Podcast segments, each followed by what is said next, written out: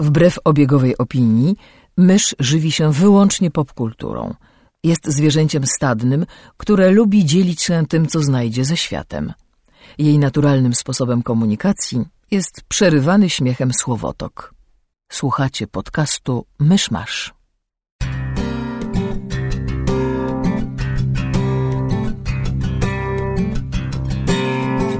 Gospodarzami podcastu Myszmasz są Krzysiek Ceran, redaktor portalu Avalon. Kamil Borek ze studia Kobart. i Mysz, autorka bloga Mysza Mówi. Drodzy słuchacze, jest poniedziałek, 21 kwietnia 2014 roku. Śmigus dyngus. W celu pełnego doświadczenia tego odcinka proszę sobie teraz wylać na głowę szklankę wody. Dziękuję. Zapraszam do 53 odcinka podcastu Myszmasz. Za świąteczna atmosfera. A propos świątecznej atmosfery, e, telewizyjny dodatek do wybiórczej, który się dzisiaj ukazał, ma bardzo ładną okładkę. Jest e, Travolta i Jackson z Pulp Fiction przerobieni na e, króliczki wielkanocne. Scena, gdy otwierają walizkę. Okej. Dobrze. E, masz jakieś newsy? Trochę, to znaczy Firaxis ogłosił grę Civilization Beyond Earth, tak to ma się nazywać? Pamiętasz, Kamil? Wydaje mi się, że Civilization takiego. Beyond Earth, tak, czyli czyli Alpha Centauri, tylko nie nazywana Alpha Centauri, bo poprzedni wydawca ma prawa do nazwy, chociaż to Firaxis ją robiło z tego, co się zorientowałem. E, Co mnie bardzo ucieszyło, bo jakoś tak znowu mam chełtkę na jakąś e, strategię 4X, a nie bardzo mam ochotę instalować cywilizację piątą po raz piąty prawdopodobnie. To prawda, ja też już jakieś tak, nawet, nawet jakieś parę miesięcy temu miałem taki pomysł, ale spalił na panewce. Jakoś zacząłem chyba, e, straciłem zapał dosyć szybko. Wiesz, że masz dwa newsy? Powiedziałem, że mam dwa newsy? Tak mi się zdawało. Ukazał się trzeci zwiastun X-Men Days of Future Past. Może warto go nie oglądać, bo chyba opowiada trzy czwarte filmu. Dla mnie już za późno, ale wy się ratujcie. Ja Ja też nie widziałem, widziałam. to, Znaczy, to no, może sobie daruję. nie no, zakładam, że scenarzyści, znaczy, że, że ten Nie będzie tak Singer- łatwo. Tak, no, że Singer ma coś w rękawie, albo że ten trailer jest w ogóle zmyłką i to wcale nie do końca dosłownie w tej kolejności wszystko w filmie będzie. Ja przepraszam, że ja się śmieję, ale mam po prostu wisielcze poczucie humoru. A propos tego, co Singer ma w rękawie. Kokainę. Nie wiem, czy słyszeliście, było ostatnio właśnie wczoraj albo przedwczoraj pojawił się news, że Singer został oskarżony o em, znarkotyzowanie i dwukrotne zgwałcenie młodego chłopca. What? No. Okej. Cała wielka afera. Cieszę się, że potrafisz dostrzec zabawną stronę tej sytuacji. Prawda? Świąteczna atmosfera powraca. No co ja mogę, no taki mam dzisiaj nastrój. E, znaczy, to jeszcze e, news nie news, ale chciałem, te, chciałem się do tego odnieść, e, bo są jakieś pogłoski w necie krążą o tym, że e, ostatnia scena po e, Spidermana e, promuje e, X-Menów. Tak, tylko że to jest po prostu klip promocyjny, w sensie fragment zwiastunu, Aha. który będzie po napisach Spidermana. Tak, to, Nie, to nie nie ma mowy o żadnym łączeniu No uniwersów, bo, cameo, znaczy, tak, nic, tak, nie. tak widziałem, że właśnie, że nie ma mowy o łączeniu, ale pojawiały się takie newsy, że o, czy to znaczy, że może e, Sony i Fox chcą połączyć siły, co zresztą tak w moim mniemaniu to nie byłby taki zły pomysł, bo żeby dołączyć, żeby e, żeby dobiec do Marvela, to ani Sony, ani Fox Tak, nie no, ma szans z, tymi, Sony- z tym, co teraz posiada. Sony teraz chce mieć całe filmowe uniwersum kręcące się w, wyłącznie wokół pająka. Już Tak. mamy ten zapowiedziany spin-off o podstępnej szóstce, którego reżyserować ma chyba Drew Goddard. Coś takiego czytałem ostatnio. Hmm. Czyli gość od Cabin in the Woods i nadchodzącego e, nadchodzących seriali Marvelowych Netflix, znaczy tego Daredevila na pewno. Ciekawe. A, a z drugiej strony Fox no, od jakiegoś czasu mówi, że X-Meni i ta nowa fantastyczna czwórka będą w jednym świecie, co nie wiem jak ma działać. I, no i to też jest trochę mało, żeby, żeby No jakby wiesz, mówić o wielkim jakimś filmowym uniwersum, więc połączenie jakby tego i pająka pytanie, czy to do siebie w jakikolwiek sposób pasuje koncepcyjnie, stylistycznie i tak dalej. Odpowiedź na to brzmi nie, e, ale już taka współpraca przy okazji promocji filmów, no przynajmniej sugeruje, że, że studia potrafią współpracować przynajmniej w takim wymiarze. Znaczy, ja czytałam, że to głównie chodzi o to, że. Um, znaczy, nie pamiętam, które studio jest które, ale po prostu czytałam, że. Fox ma X-Menów. Nie, nie, w nie w tym sensie, e, że um, ta współpraca została nawiązana jako jakby gest dobrej woli i chodzi o to, że jedno studio chce. Um, oferuje ten gest, żeby to drugie studio skróciło kontrakt Marka Weba bo on jest z jednym studiem związany na ileś tam filmów, a oni chcą, żeby, żeby drugie studio chce, żeby zwolnić go wcześniej, bo oni chcą go przekabacić do siebie.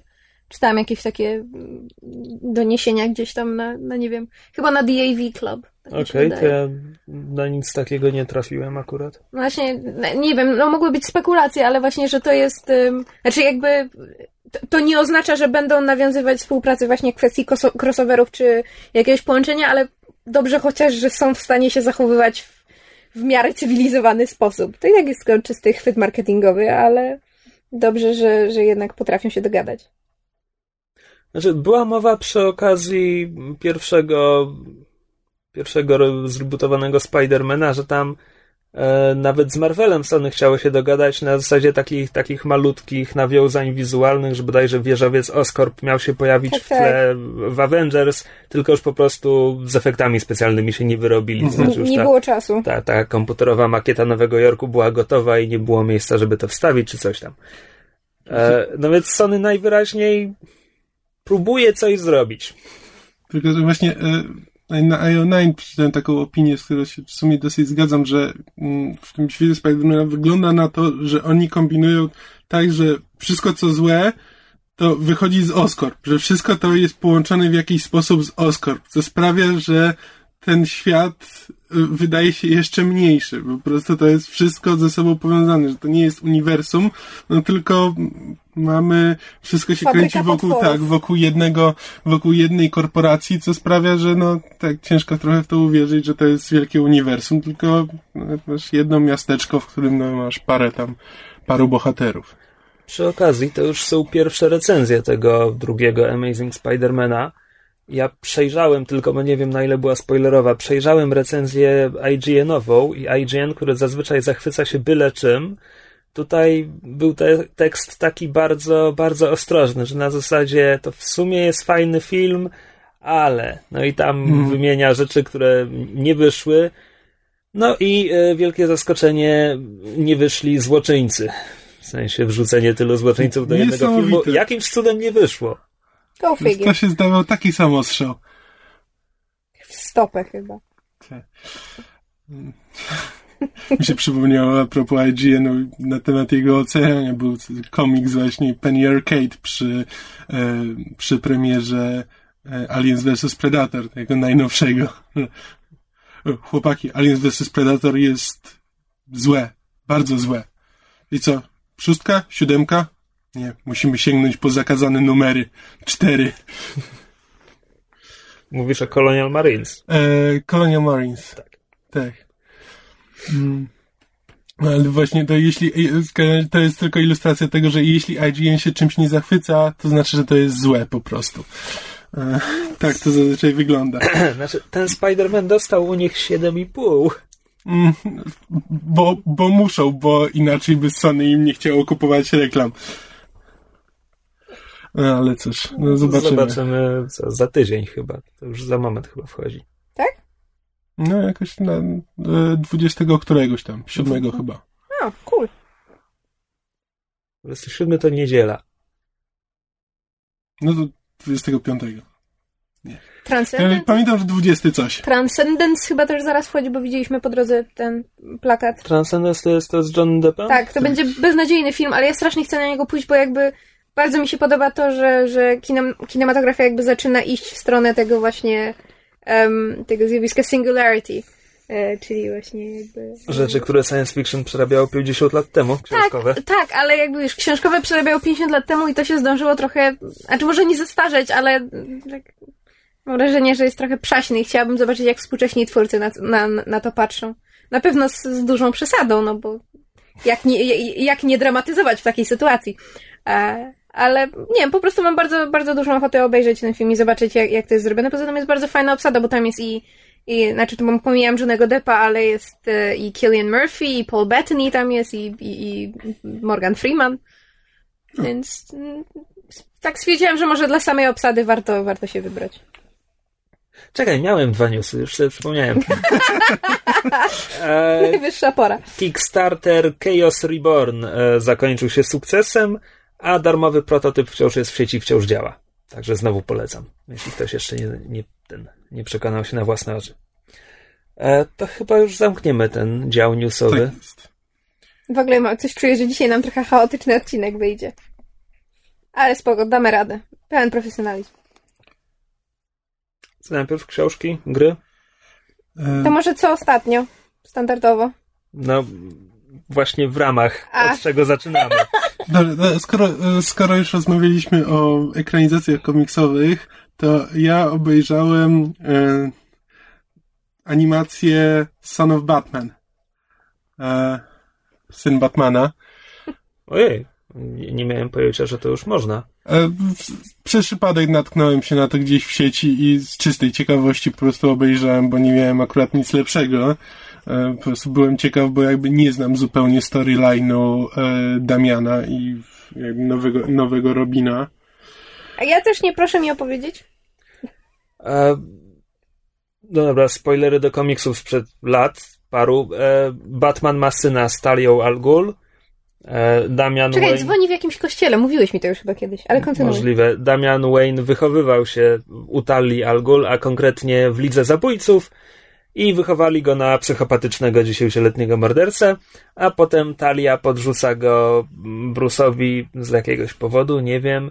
E, Seems legit. I Bruce, Bruce, który ma wprawę w opiekowaniu się nad sierotami, bierze tym razem własnego syna pod swoje skrzydła, robi z niego Robina.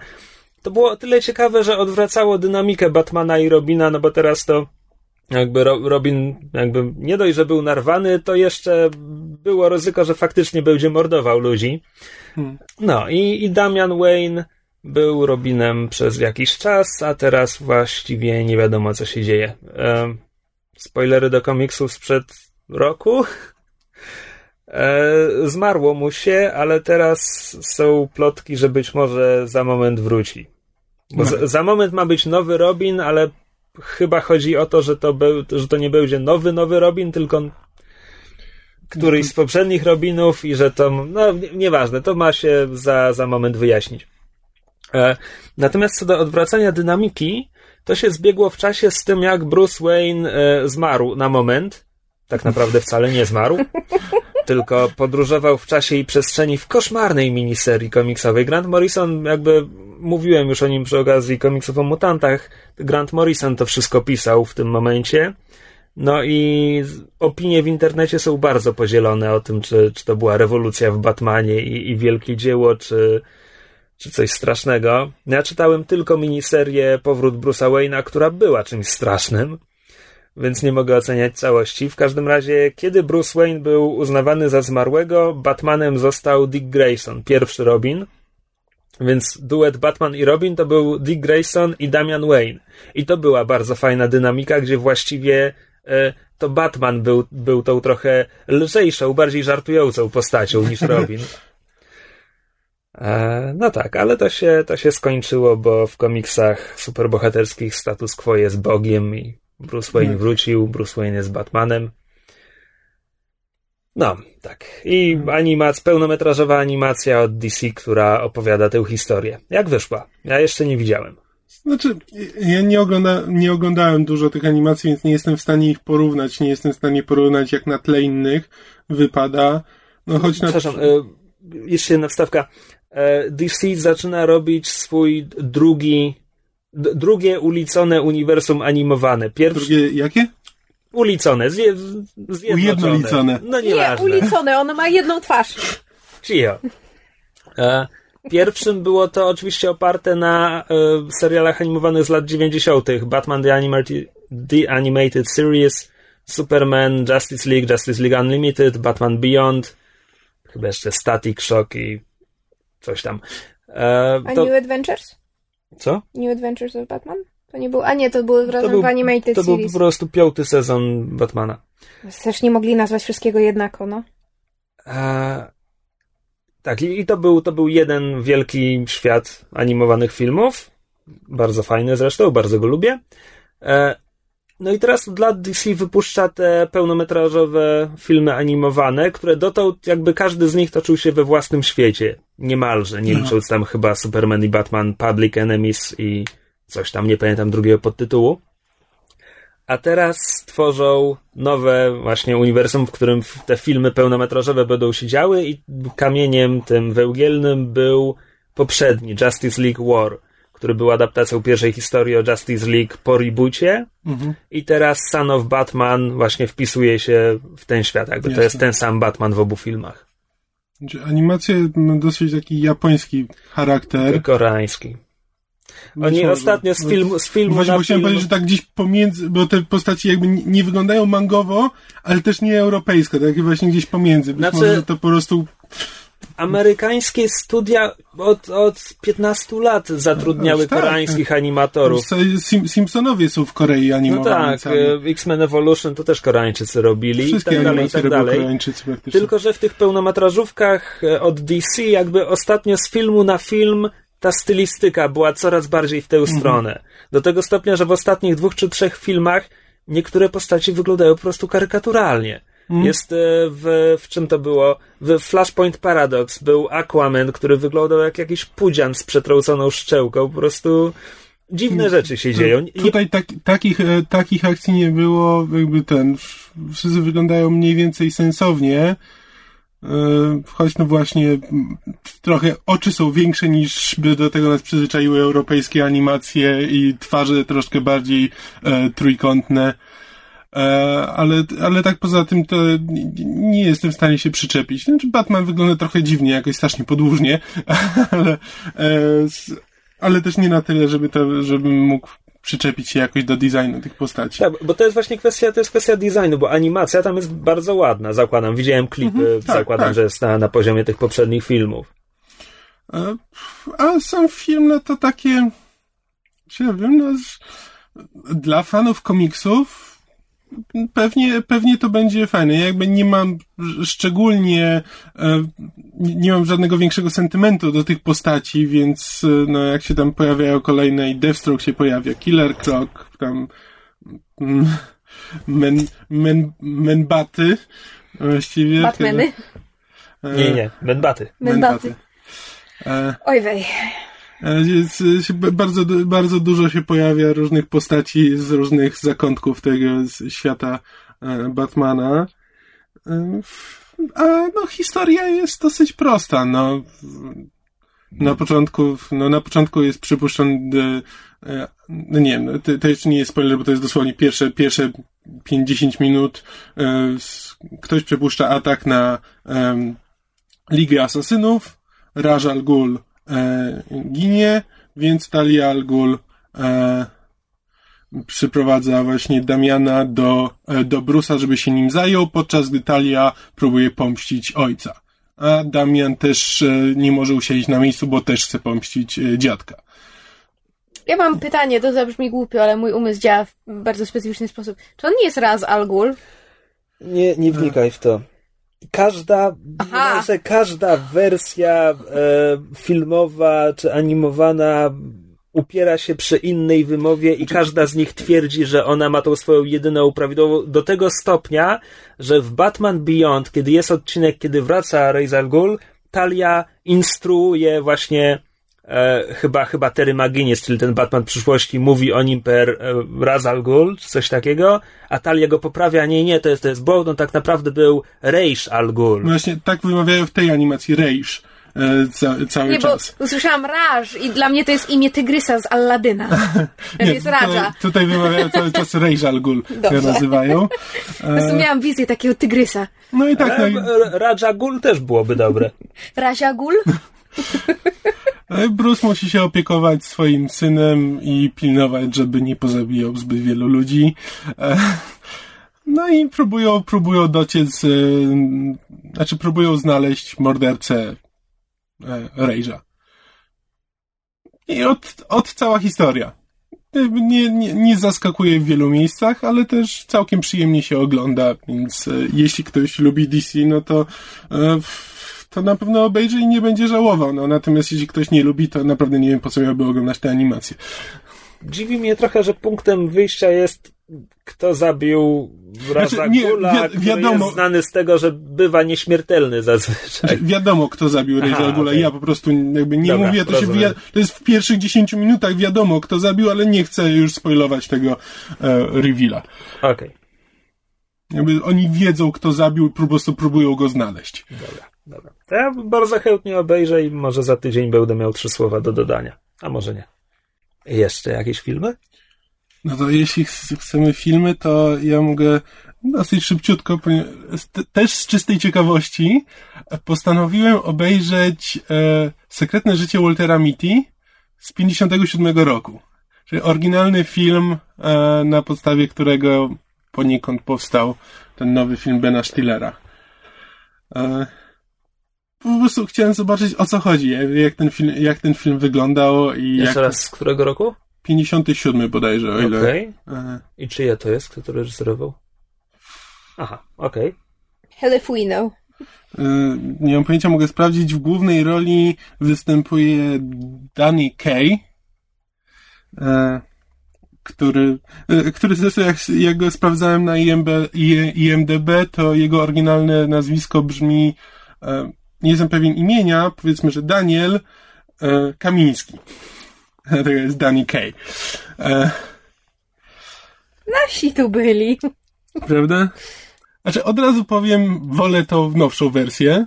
Uważam, że jest ciekawsza i ma więcej, e, więcej ciekawych rzeczy do powiedzenia. Ma jakąś, ma jakieś ciekawe przesłanie.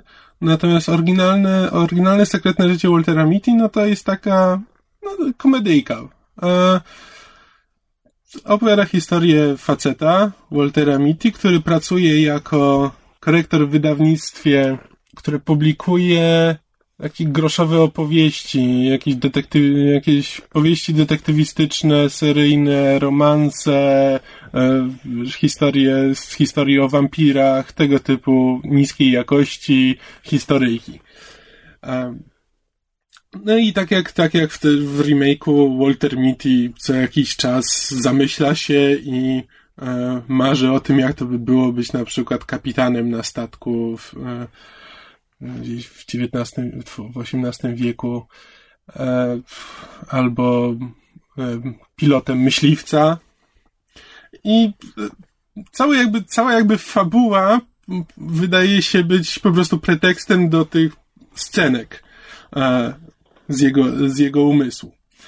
E, które, niektóre są, jedna jest, jedna jest fantastyczna, scena, scena musicalowa, e, w której, która zaczyna się od tego, że właśnie Walter Mitty jest e, pilotem myśliwca, zestrzeliwuje jakiegoś, e, jakiegoś Niemca, E, wraca do baru, gdzie wszyscy, wszyscy mu gratulują e, i potem ktoś go prosi, że, że, że znali się ze szkoły muzycznej i prosi go, że zawsze bawił go bawiło go jego naśladowanie jednego z profesorów.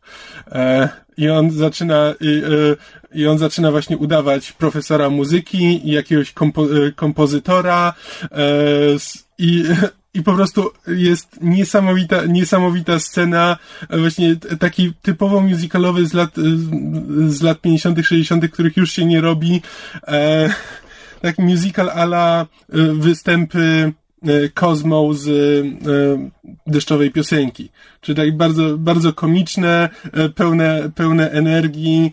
E, postaram się, zobaczyć, czy da się to znaleźć gdzieś na YouTubie. Jeśli tak, to wrzucę to, wrzucę to na Facebooka i na stronę, bo uważam, że to jest najlepsza scena z całego filmu i tak naprawdę jedyna, którą tak naprawdę warto obejrzeć. Bo reszta jakby już zestarzała się nie najlepiej. Znaczy sceny komediowe to jest, to jest typ komedii, która już, już nie śmieszy, już, już po prostu się zestarzała i jakby sceny albo slapstickowe, albo e, takie, które no już były dziesiątki tysięcy razy już są uznawane za, e, za banały i za klisze. Więc jakby cię, nie, nie ogląda się tego tak fajnie już teraz. E, I podstawowa różnica między oryginałem a remake'iem, ta, która moim zdaniem sprawia, że remake jest lepszy, jest taka, że w oryginale historia jest taka, że Walter Mitty właśnie marzy o tym, że mu się działy jakieś niesamowite przygody, no i w którymś momencie przeczytaj tam wsiada do taksówki z jakąś obcą kobietą i wplątuje się e, w jakąś dziwną intrygę. Tak, wiesz, kryminalno-komediową. E, ktoś tam ginie, potem jak on próbuje przekonać wszystkich... Prześmieszne, ktoś ginie. Potem jak on próbuje przekonać wszystkich, że widział właśnie morderstwo, to się nagle okazuje, że ciało zniknęło, nikt mu nie wierzy, wszyscy, e, wszystkim się wydaje, że zwariował. Też jakby standard, który w tym momencie wydaje się ograny. E, no natomiast w remake'u to, co jest najfajniejsze, to to, że Walter Mitty w którymś momencie po prostu sam postanawia postawić ten pierwszy krok i to, i to sprawia, że trafia um, przytrafiają mu się najróżniejsze przygody, ale to ta jego decyzja, ten jego pierwszy krok, to, że się w końcu przełamał i zrobił, sprawia, że wreszcie przydarza mu się coś ekscytującego. W oryginale to jest po prostu, no, marzy sobie o tym, żeby mu się coś przytrafiło, no i któregoś razu przypadkiem mu się przytrafia. Jakby nie ma w tym żadnej, żadnej myśli, po prostu jest seria wydarzeń, które mają być komediowe, ale już z perspektywy czasu nie śmieszą. Tak bardzo. No więc, no mówię, jeśli ktoś chce obejrzeć tak jak ja z ciekawości, to, to, to może. Jest parę fajnych scen. Główny, e, e, główny aktor ma dużo charyzmy, dużo uroku, więc jakby przyjemnie się go ogląda na ekranie, ale też no, film nie ma wiele do zaoferowania w tym momencie. Dobrze. Ktoś, ktoś teraz inny. To co, teraz o książkach może? No to dawaj. Ja przeczytałem dwie książki. U, jakie tempo. A nie no, z jedną męczyłem się przez miesiąc, a drugą w tydzień od ostatniego nagrania. A jedna była rewelacyjna, niesamowita i w ogóle same superlatywy, druga była... Nie. To od której mam zacząć? Nie. Dobrze. E, więc przeczytałem powieść X-Wingi Cios Łaski e, pióra Arona Alstona. Przepraszam, ale ten tytuł mnie dobił. Cios łaski. X-Wing Mercy Kill. Nie, po angielsku to ma sens, po polsku trochę mniej. Właśnie, o tłumaczeniu będę niedługo. Dobra, ale zacznijmy od podstaw. To jest oczywiście kolejna powieść e, z uniwersum Gwiezdnych Wojen. Na dodatek pierwsza po latach z cyklu X-Wingi. Cykl X-Wingi powstawał chyba w latach 90. Znaczy na pewno wtedy zaczął. Wydaje mi się, że, że wtedy też powstał w całości. A, no i muszę tutaj krótki rys historyczny, bo bez niego jakby rzecz nie ma sensu. E, cykl X-Wingi zaczyna się w momencie, gdy kończyły się komiksy X-Wingi które opowiadały o eskadrze Łotrów, czyli tej najlepszej jednostce myśliwcy, myśliwskiej, jaką dysponowała rebelia. To jest jakby dopisane, że to ta eskadra, którą widzimy na przykład na Hof, a w ogóle wyewoluowała z eskadry, która rozwaliła pierwszą Gwiazdę Śmierci i to jest zdecydowanie ta eskadra, która pomaga rozwalić drugą Gwiazdę Śmierci. E, co z tego, że tylko w Imperium Kontratakuje pojawia się kryptonim eskadra Łotrów, Rogue Squadron. To jest potem dopisane, że oni się potem e, rozwalając drugą Gwiazdę Śmierci przechrzcili znowu na czerwoną eskadrę, żeby złożyć hołd tym, którzy polegli rozwalając pierwszą Gwiazdę Śmierci. Okay. Bo, bo cały Expanded Universe służy temu, żeby jakoś wyjaśniać, uzasadniać i na podstawie, wiesz, dwóch zdań z filmu dopisywać całą wielką historię. W każdym razie tak, e, komiksowe i książkowe X-Wingi opowiadały o eskadrze Łotrów, która się tam reformuje po raz kolejny. Jej dowódcą jest Wedge Antilles. No i to były takie powieści na zasadzie, nie wiem, no coś jak, coś jak polskie powieści o dywizjonie 303. No na, najlepsi z najlepszych, mhm. tak. E, I po czterech książkach, których autorem był Michael Stackpole, przyszedł drugi autor, Aaron Alston, e, który przejął cykl tylko, że wprowadził do niego własny, własny twist. To znaczy, e, cykl X-Wingi w tym momencie przestał opowiadać o eskadrze Łotrów, a zaczął opowiadać o eskadrze Widm. I eskadra Widm to nie jest dywizjon 303, to jest drużyna A. Na zasadzie, że Wedge Antilles stwierdza, okej, okay, ta eskadra Łotrów sobie radzi beze mnie, jakby mój najlepszy przyjaciel może mnie zastąpić na stanowisku dowódcy i oni wciąż będą dalej najlepsi, a ja mam jeszcze taki jeden pomysł, który chciałbym zrealizować i gromadzi ludzi, gdzie e, to, że każdy z nich jest przynajmniej dobrym, jeśli nie bardzo dobrym pilotem, ma znaczenie drugorzędne, a najbardziej liczą się ich podstawowe kariery. I to są... to jest taki e, Gorillas dla e, Bluru. Znaczy, główny... tak.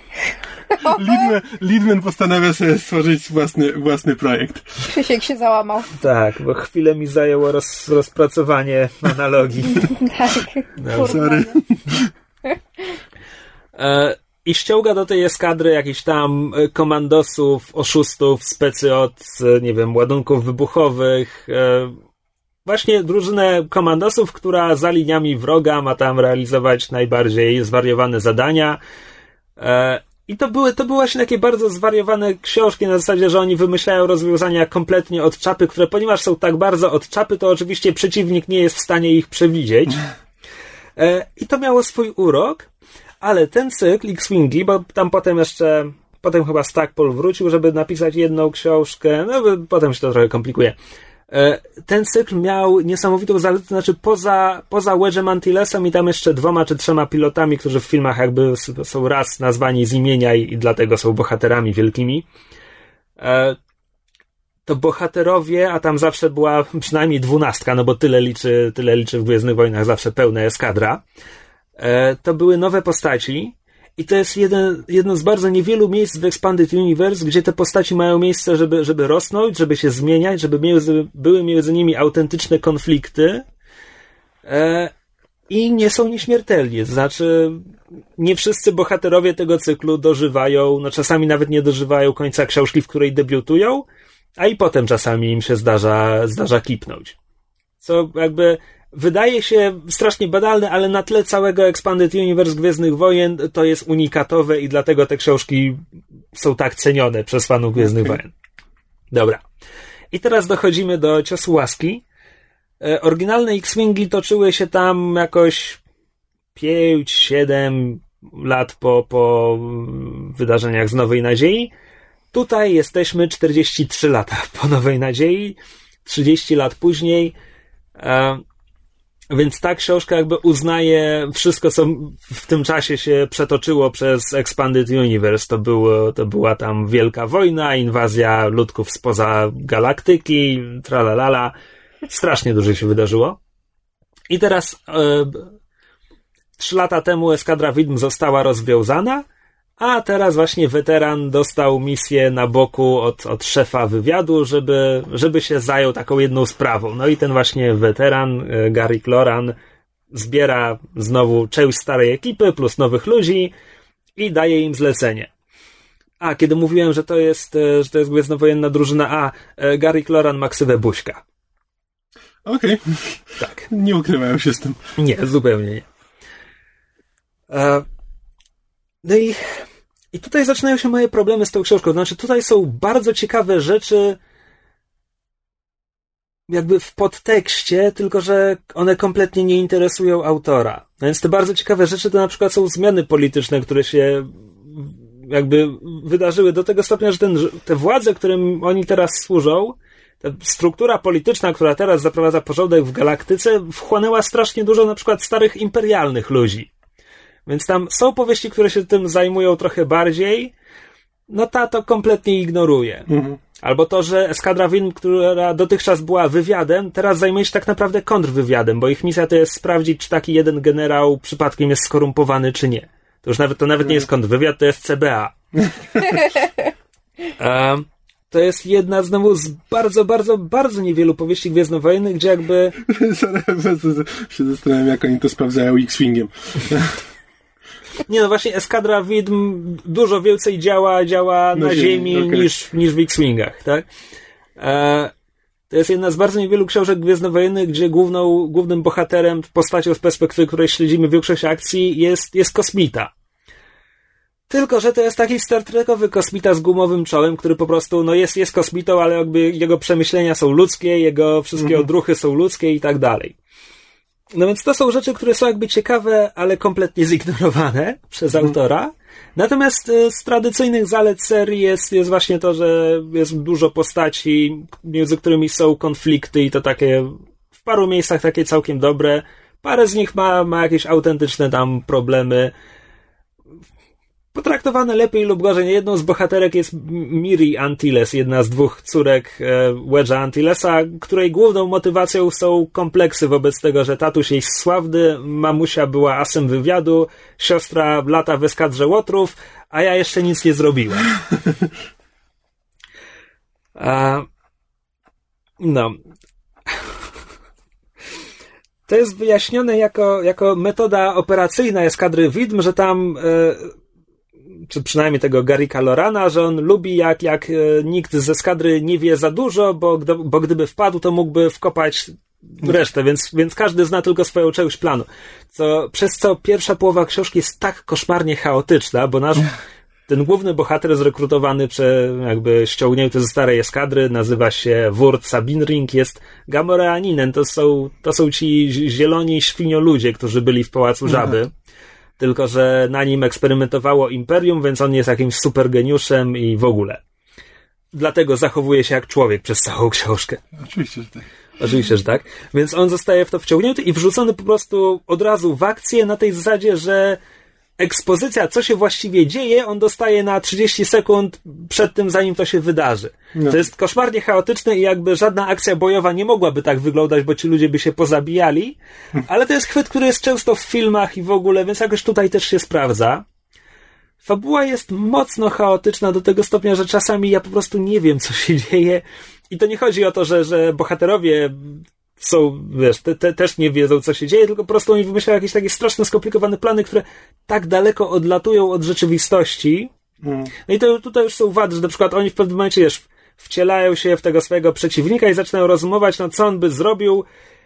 I tutaj pojawia się taki wywód logiczny, który według wszystkich postaci, które go prowadzą, jest bardzo logiczny, a ja to czytam po prostu jak tę scenę z Batmana z Adamem Westem, jak próbują rozpracować, kto stoi za tym rekinem, który zaatakował Batmana. Hmm, the shark was pulling my leg, pulling my leg. Joker!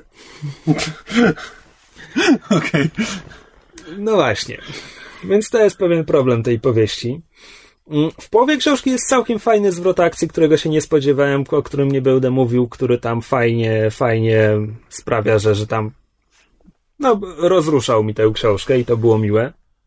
Nie bardzo wiem, jak to mogę polecać słuchaczom. Jeśli słuchacze po prostu nie czytają Expanded Universe, to ich to kompletnie nie interesuje.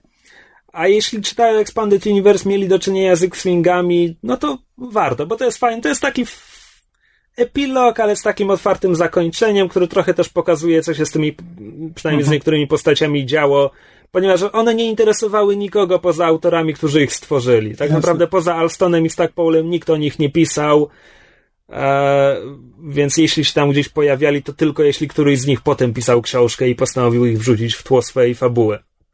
No ale jeśli ktoś polubił postaci, to stąd się może dowiedzieć, jakie były ich dalsze losy. E, natomiast jeśli ktoś przeczytał jedną, dwie, pięć książek z Gwiezdnych Wojen, ale nie X-Wingi, to na pewno nie powinien zaczynać od tej bo to jakby to się mija z celem.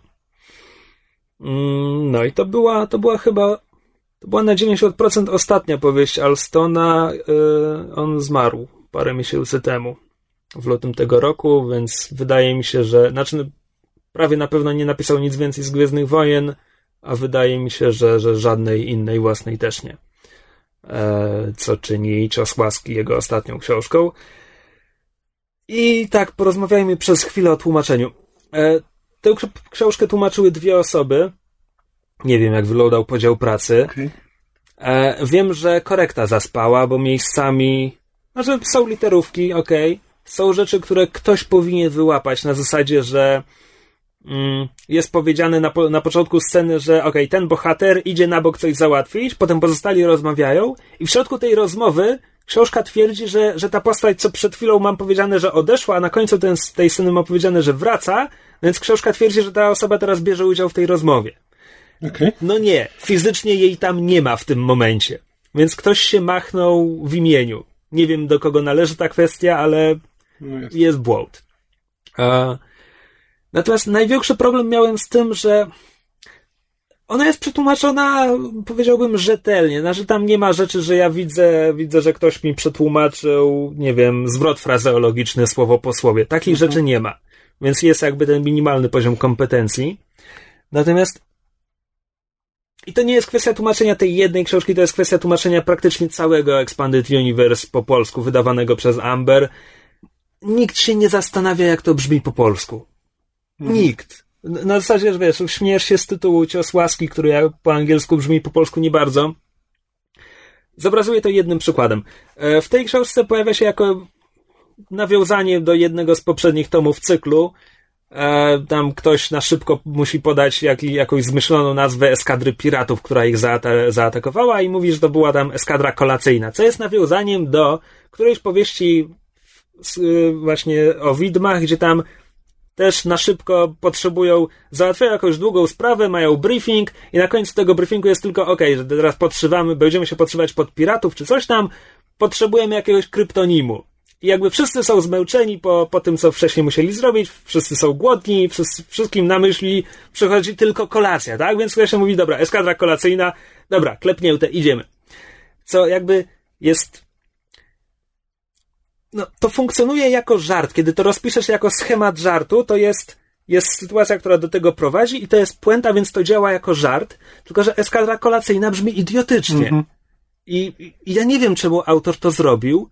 Przecież, No, Jak to było po angielsku w takim razie? nie wiem. Dinner Squadron pewnie. Nie wiem, ale... Dinner party? Nie wiem. Hmm. E, no ale no to zamieniasz to na, na głodną eskadrę, tak?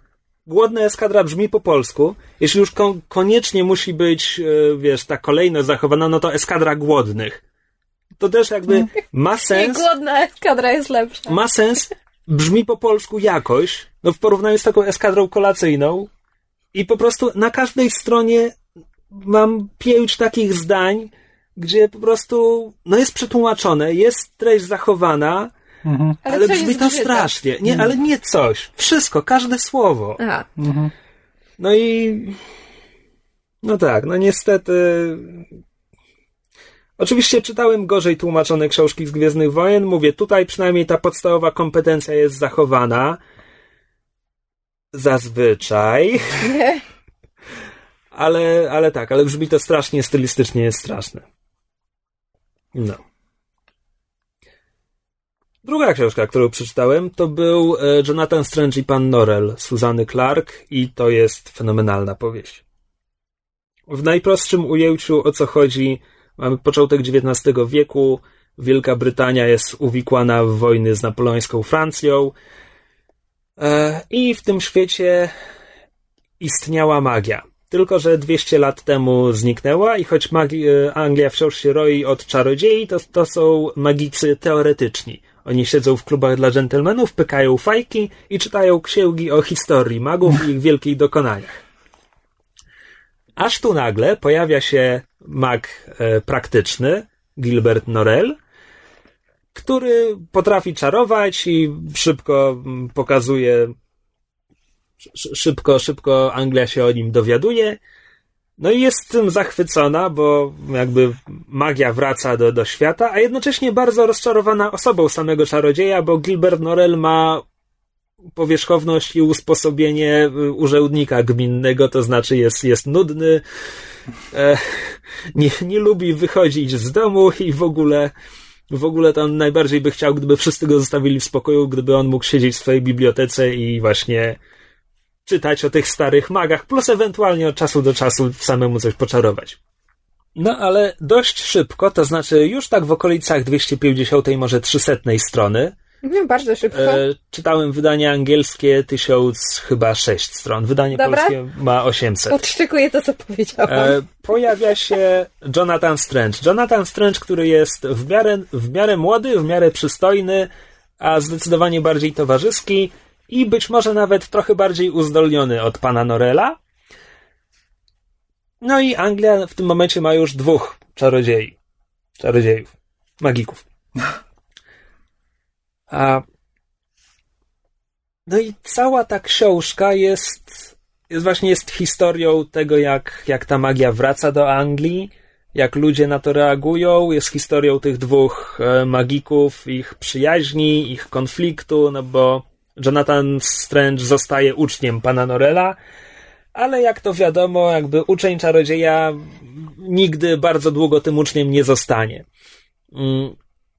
Wojny napoleońskie toczą się nadal. Jonathan Strange trafia na przykład do, do Hiszpanii, do Portugalii z, z Duke'iem Wellingtonem, towarzyszy mu w kampanii.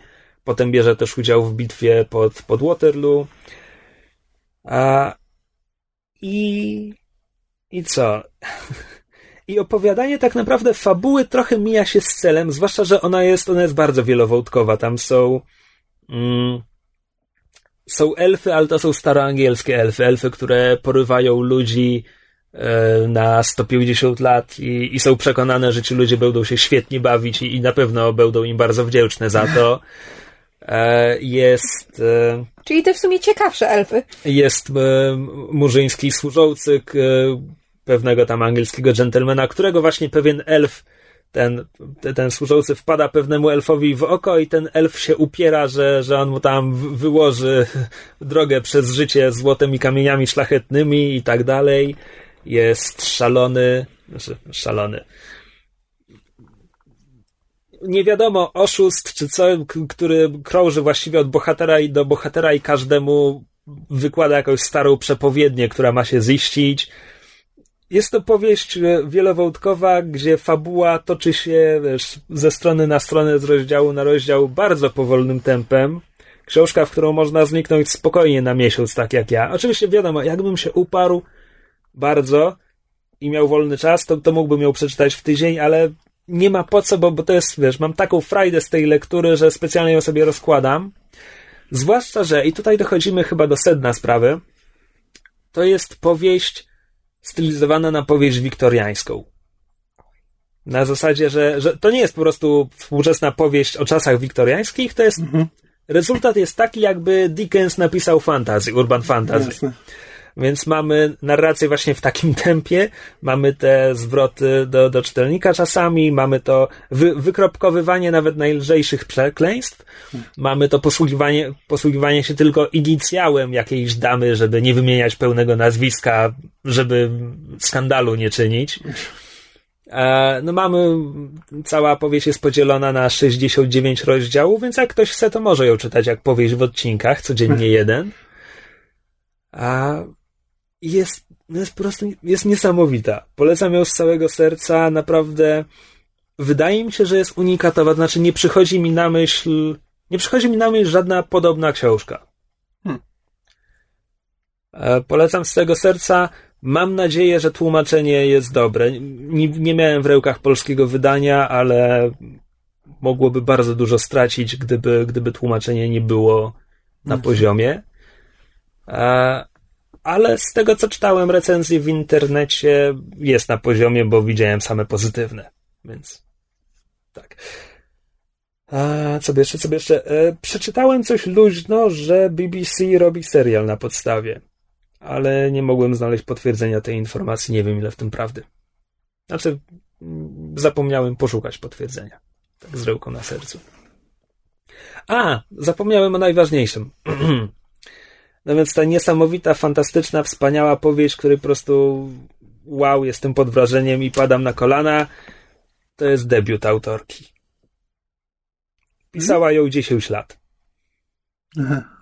No więc pokazała, pokazała to komuś w swojej, w swojej grupie jakby kreatywnego pisania. Ten ktoś pokazał to komuś, ten ktoś pokazał to Gaimanowi.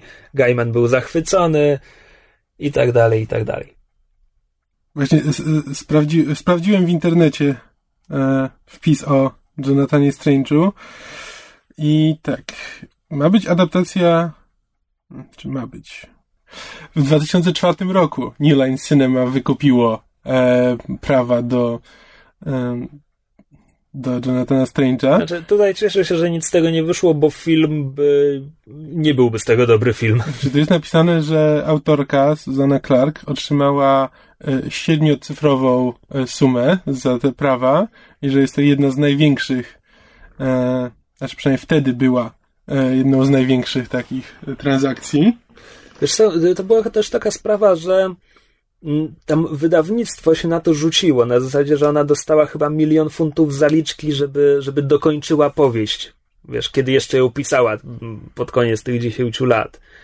E, I to był, to był bestseller od razu. To się ukazało w 2004 e, w Anglii, a polskie wydanie chyba w zeszłym roku dopiero. A, a potem New Line Cinema po prostu upadło, więc y, na razie e, e, nie wiadomo, co z Ach, tego wyjdzie. prawda, przecież to dlatego Hobbit tak długo powstawał. Hmm. E, Natomiast telewizyjna. Znaczy, w Wikipedii jest napisane w czasie przyszłym, Dwa lata temu. że preprodukcja ma się zacząć w kwietniu 2013 roku. No nie dwa lata, ale rok temu dokładnie. Em, a samo ten. No to coś się rypło albo A same odsunęło. zdjęcia później tego samego roku, więc no. Nie wiem, ale nie ma tu nic więcej napisane na ten temat, co się z tym dzieje.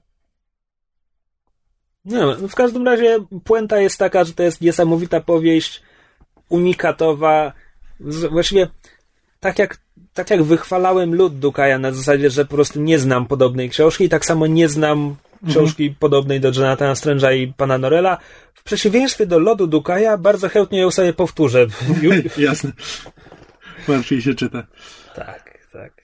Nie no, lud pewnie też kiedyś sobie powtórzę na emeryturze albo co w domu starości.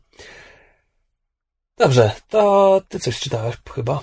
Tak, skończyłam ostatnio. E, I też jakby miałam e, drobne przeboje z tą książką na początku. Kamil świadkiem, że kiedy zaczęłam książkę czytać, to jej czułam, że strasznie wolno się rozwija i że jest takie, że, że, że, że się ciągnie. Ale im dalej w książkę, tym, tym lepiej mi szło. Jest to pierwszy tom trylogii e, autorki Almy Katsu. Też to jest debiut, o dziwo. Um, pierwszy tom nazywa się The Taker. Mm, ostatni tom został wydany w styczniu tego roku, więc hura, będę miała całą trylogię w rękach niedługo, nie będę musiała czekać na wydanie. E, polski tytuł trylogii e, albo pierwszego tomu jest chyba Wieczni i jest wydane po polsku, jeżeli ktoś by chciał e, przejrzeć. I o czym jest książka? W, we współczesnym Maine e, lekarz, który wychował się jakby w małej, w małej mieścinie w, w stanie Maine, em, musi się zająć e, dziewczyną, którą e, przy, przywozi mu policja do, do szpitala na salę przyjęć, która podobno kogoś zamordowała. No i on się nią zajmuje, a ona w tym czasie e, jakby opiekuje się nią, w sensie sprawdza, czy nic jej nie jest, bo ona jest cała pokryta krwią. Po czym ona mu zaczyna e, opowiadać swoją historię, twierdzić, że jest nieśmiertelna, że żyje na tym świecie już 200 lat, że, że owszem, zabiła kogoś, ale to nie jest tak, jak wszyscy myślą i czy on by mógł jej pomóc. Brzmi jak, prawda, typowy, y, ty, ty- typowe paranormalne romansidło, których teraz jest pełno y, i zresztą jakby takie miałam podejście do tej książki. Natomiast okazuje się, że jest to bardzo bardzo dobrze, bardzo mądrze napisana książka. Jakby pierwsze i wiodące skojarzenie, jakie miałam, miałam z, e, jakby z, z tym, jaki to jest gatunek, czy jaki to jest typ, to to jest bardzo podobne do, do pierwszych książek Anne Rice. Czyli takie bardzo ciężkie, em, mroczne, gotyckie, przeplatające współczesną historię, znaczy współczesność z, z różnymi okresami historycznymi. Tutaj mamy w, u, u Almy Katsu mamy mamy purytańską Amerykę w XIX wieku. E, mamy e, Węgry za czasów, e, znaczy nie wiem czy feudalnych, ale to jest chyba XIII albo XIV wiek, więc na pewno e, władcy, władcy Szczerze, z konkretnych dużym terenów. prawdopodobieństwem, No właśnie- owszem, tak. Tak, tak, tylko to jest tam bardzo tak oględnie opisane i z punktu widzenia jakby biednego e, Rumuna, czy też tam, e, nie wiem jak to nazwać. Jak, jak powiem Romana, to to dziwnie zabrzmi, w sensie Roma. Roma. Roma. Roma. Tak. Em, ale jest właśnie opisany, e, opisany z punktu widzenia biednego Roma, jest opisany konflikt między e, Węgrami a Znaczy nie, czekaj, bo Rumunią. Rumun i Rom to dwie Jezu, bardzo różne rzeczy. No właśnie dlatego mówię, bo znaczy Chcesz powiedzieć cygana, ale boisz się użyć tego słowa? Tak, nie chodzi mi o Roma, tylko że tam też jest konflikt z Rumunią, więc dlatego mi się zlało w jedno.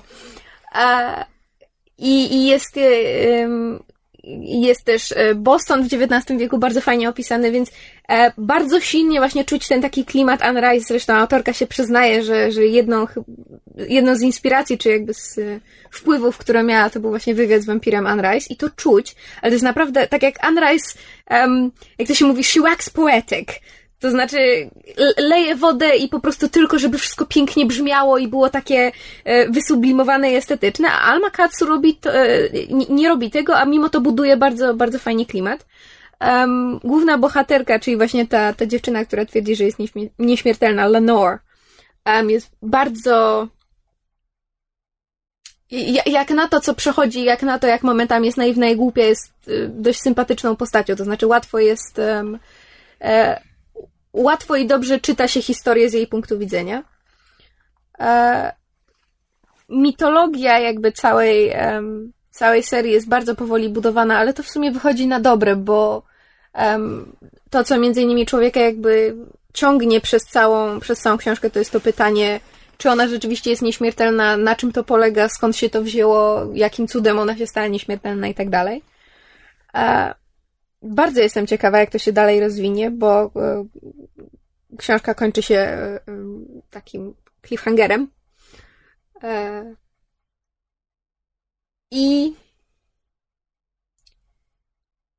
w sumie bym książkę poleciła. To znaczy, jeżeli ktoś lubi wczesną Anne Rice i lubi takie gotyckie klimaty, to warto. Tak samo, jeżeli komuś pasują te. Jeżeli komuś pasuje styl na przykład y, Edgara na Poe, też taki właśnie ciężki gotycki klimat, y, oczywiście jest tam z elementami paranormalnymi i jednak nie oszukujmy się, jest tam trochę takiego typowego romansu, ale jest to bardzo bardzo ładnie um, bardzo ładnie i umiejętnie poprowadzone. I jak na to, jak miałam na początku obiekcje w stosunku do tej książki, jak bardzo mi opornie szło czytanie, to po tam właśnie pierwszych 200-300 stronach, gdy człowiek się zaangażuje w te, w te, w te bardziej historyczne elementy, bo one są bardzo dobrze zresearchowane i, i um, czuje się, że, że znaczy łatwo jest wejść w, skórę tych postaci w, w różnych epokach, więc po, po, po pierwszych 200-300 stronach y, książka nabiera tempa i naprawdę z ogromną przyjemnością ją przeczytałam. Dawno, dawno nie, nie weszłam tak głęboko w, w książkę. A poza tym jest gruba, więc nie kończy się za szybko. Ostatnio wszystkie książki mi się kończą za szybko. No dobrze. E, gry komputerowe? O grach komputerowych nie będzie długo, ale niedawno ukazał się trzeci epizod The Wolf Among Us, tym razem pod tytułem The Crooked Mile bodajże. E, I tak. E, po pierwsze, e, siostra dała mi znać, że jest boleśnie krótki, jeszcze krótszy od poprzedniego, więc rozłożyłem go sobie na dwa, na dwa posiedzenia. I może to dlatego, ale nie miałem wrażenia, żeby był aż taki krótki. Był tego mniej więcej rozmiaru, co, co poprzednie. E, I tak jak narzekałem na poprzedni, tak po tym jestem zdecydowanie nabuzowany na tak i, i, i bardzo mi się podoba i czekam na więcej. E, dlaczego? E, dlatego, że mm, tak, pierwszy epizod skończył się bardzo mocnym cliffhangerem. Drugi trochę wyjaśniał, trochę gmatwał. E, natomiast kończył się takim strasznym, tak zwanym czerwonym śledziem, ale tak boleśnie oczywistym. Mhm. I, I do tego epizodu właśnie przez pierwsze pół epizodu to mi przeszkadzało, bo pierwsze pół epizodu to jest właśnie podążanie za tym czerwonym śledziem. Mhm. Tylko, że w ramach tego, znaczy w drugiej połowie tego epizodu napięcie jest bardzo dobrze stopniowane, bo, znaczy po prostu cały czas narasta aż do bardzo fajnego finału. E, I po drodze też są, też są fajne sceny, żeby nie mówić tylko za wiele, jest bardzo ładna scena e, w barze. W barze, który już odwiedzaliśmy tam w poprzednich epizodach. E, to mi się bardzo podobało. Z rzeczy, które mnie irytowały, i to tak dość mocno. Znaczy, ponieważ ja od początku byłem przeświadczony, że mam do czynienia z czerwonym śledziem, więc bardzo starannie dobierałem opcje dialogowe, żeby mój Bigby nigdy nie powiedział tak, uważam, że to on jest winny. Bardzo starannie dobierałem te opcje dialogowe, nigdy nie wybierałem opcji, które mówiły, gdzie w tekście było właśnie stwierdzenie, że on jest mordercą. No i w pewnym momencie byłem przekonany, że wybieram neutralną opcję, a mój Bigby i tak zaczął mówić, jakby i tak przyjął tę wersję, o której ja gracz wiedziałem, że jest nieprawdziwa. I miałem w tym momencie poczucie, że gra mi nie daje wyboru. Że jakby, że, że gra mnie zmusza, zmusza moją no tak. postać do, do przyjęcia tej wersji wydarzeń, co mnie strasznie wkurzyło, szczerze mówiąc. No i w tym momencie nie jestem stuprocentowo pewien. Może, może jakaś inna opcja dialogowa jednak była neutralna, no ale w takim wypadku te opcje dialogowe były źle opisane. No I to po prostu to jest błędnie częst, często w, opisane. ty, w tych grach. Wiesz, parę razy, parę razy tak miałem i to zarówno w Walking Deadach, jak i właśnie The Wolf Among Us, gdzie wiesz, wybierałem opcje, gdzie mi się zdawało, że właśnie postać powinna powiedzieć coś innego, niż potem okazuje się, że mówi. Tak, więc to mi, to mi przeszkadzało. No co poza tym, e, debiutuje parę, parę nowych baśni, w tym jeden bardzo udany debiut. E, trochę jestem niepewny co do kierunków, w jaki całość skręca, bo hmm, no to może być odrobinę spoilerowe. Liczyłem, że to będzie taka zagadka kryminalna, taka standardowa na zasadzie, że, że ja gracz będę mógł przewidzieć, kto jest tym mordercą, a tu nagle pojawiają się jakieś nowe postaci, o których istnieniu dotąd po prostu nic nie było, z, z dużą sugestią, że nawet jeśli, na, nawet jeśli nie stoją bezpośrednio za morderstwem, to, to za jakąś grubszą aferą, z którą to morderstwo się wiąże. Nie wiem, co z tego wyjdzie, w każdym razie boję się, że to właśnie teraz będzie takie, że, że to no, że się skupimy na tych nowych i, i że tak naprawdę wszystko, co dotąd było, okaże się ostatecznie czerwonym śledziem. To byłoby trochę rozczarowujące. No tak. Zobaczymy. E, natomiast jeszcze wracając do pozytywów, tak jak nie cierpię quick time eventów, tak mówiłem, że w grach Telltale'a mi nie przeszkadzają. E, no i tutaj jest taka sekwencja akcji, która sprawia satysfakcję, jak jest taka scena akcji w piątym epizodzie pierwszego sezonu Walking Dead, kiedy Lee przebija się przez tłum zombich, ale to po prostu tłum zombich. Mhm. No więc tutaj nie ma tłumu, ale, ale też jest dobrze. Właśnie e, w drugim epizodzie to, to, to może być teraz lekki spoiler dla tych, którzy nie grali w e, drugi epizod. E, to jest scena, w której musisz się bić z bestią. E, z Mhm. panem bestią, jakkolwiek byśmy tego nie nazwali. E, czy ty e, wykonywałeś po prostu tego quick time eventa tak jak ci, tak jak ci mówił od początku do końca? Chyba tak, chyba starałem się. A co, możesz po prostu Bo- dać mu się stłuc? Właśnie tak, ale i nie. Właśnie jest bardzo. Pomysł jest fajny, bo teoretycznie nawet na końcu jest, e, nawet na końcu jak są, są zawsze statystyki, ile graczy wybrało daną opcję. I w statystykach pojawia się, że tam dałeś się, czy tam pobiłeś, bi- e, pobiłeś bista. I tam tyle osób, a tyle Ale osób wydawało wybrało. mi się, że to się odnosiło tylko do końca tej sceny, gdzie dosłownie masz wybór, czy, czy go łoić dalej, czy, czy zostawić w spokoju. A, to może do Wydaje mi się, że tam było coś takiego. A rzeczywiście. To jednak nie, to cofam, to, to, to. Bo ja właśnie, e, bo ja właśnie się wstrzymywałem w tym quick time evencie, wstrzymywałem się tak długo jak mogłem, po prostu nie biłem go. E, Ignorowałem, ignorowałem polecenia i przez większość czasu jakby no po prostu no Big B dostawał w tyłek e, dosyć mocno. No ale jednak przyszedł ten moment, w którym po prostu miałem game over. Musiałem tam scenę zacząć od początku i musiałem w tym momencie, w tej jednej, w tej jednej animacji wybrać ten. Co właśnie trochę mi bolało. Fajne by było, gdyby można było po prostu zrezygnować z tego, dać mu się pobić i e, ten. Znaczy, tutaj dwie sprawy. A propos rezygnowania z czegoś, to coś, czego chyba nie było w pierwszym Walking Dead, natomiast teraz e, wprowadzają w drugim sezonie i w The Wolf Among Us jest bardzo dużo, to jest to, że e, przy prowadzeniu dialogów milczenie bardzo często jest opcją. Mhm. E, I to jest fajne, to mi się podoba. Nie, no, w Deadach też to było przecież. Pierwszych Tak chyba mi się wydaje. może. No tam by, było parę dialogów, w których miałeś timer i jeśli nie, to nie, nie odpowiedziałeś Dobra, na to, czas, to może, to może, znaczy, tak, ja, ja tam nie pewno- wykorzystywałem tej opcji zazwyczaj, to prawda. Tak, ale, więc właśnie chodzi, była. chodzi mi o to, że Wolf Among Us jest tak napisany, Mhm. że milczenie często jest jakby... Realną opcją. Tak, tak, o to mi chodzi. E, a wracając do wyborów gracza, chciałbym, gdyby Telltale trochę bardziej się do nich przyłożył na zasadzie, bo to są zawsze binarne wybory, Mhm. prawda? Graci zawsze Tak, mówi, ale Mass Effect. tyle, tyle procent graczy zrobiło to, tyle procent graczy zrobiło to. I co na przykład w drugim epizodzie Wolf Among Us, y, drugi epizod zaczyna się od przesłuchania. I ty jako gracz wybierasz, na ile Bigby będzie brutalny w tym przesłuchaniu. I ja tam byłem aniołkiem prawie przez całą sekwencję, nie licząc jednego razu. Kiedy drań mnie zdenerwował. E, no i, i to jest po prostu dup. No nie, nie, po prostu mog, mogłem go sprać na, całą, na kwaśne jabłko przez całą scenę. Gra by zareagowała dokładnie tak samo, jak reaguje mi w momencie, kiedy wiesz, kiedy nie wiem, gry, pięć razy mam możliwość coś zrobić przesłuchiwanemu, zrobiłem raz. Tak? Jasne. No więc nie, nie wszystko tam działa. Tak jak, tak jak powinno. Tytułem podsumowania ten trzeci epizod bardzo mi się podobał, nastroił bardzo pozytywnie, czekam na dalsze.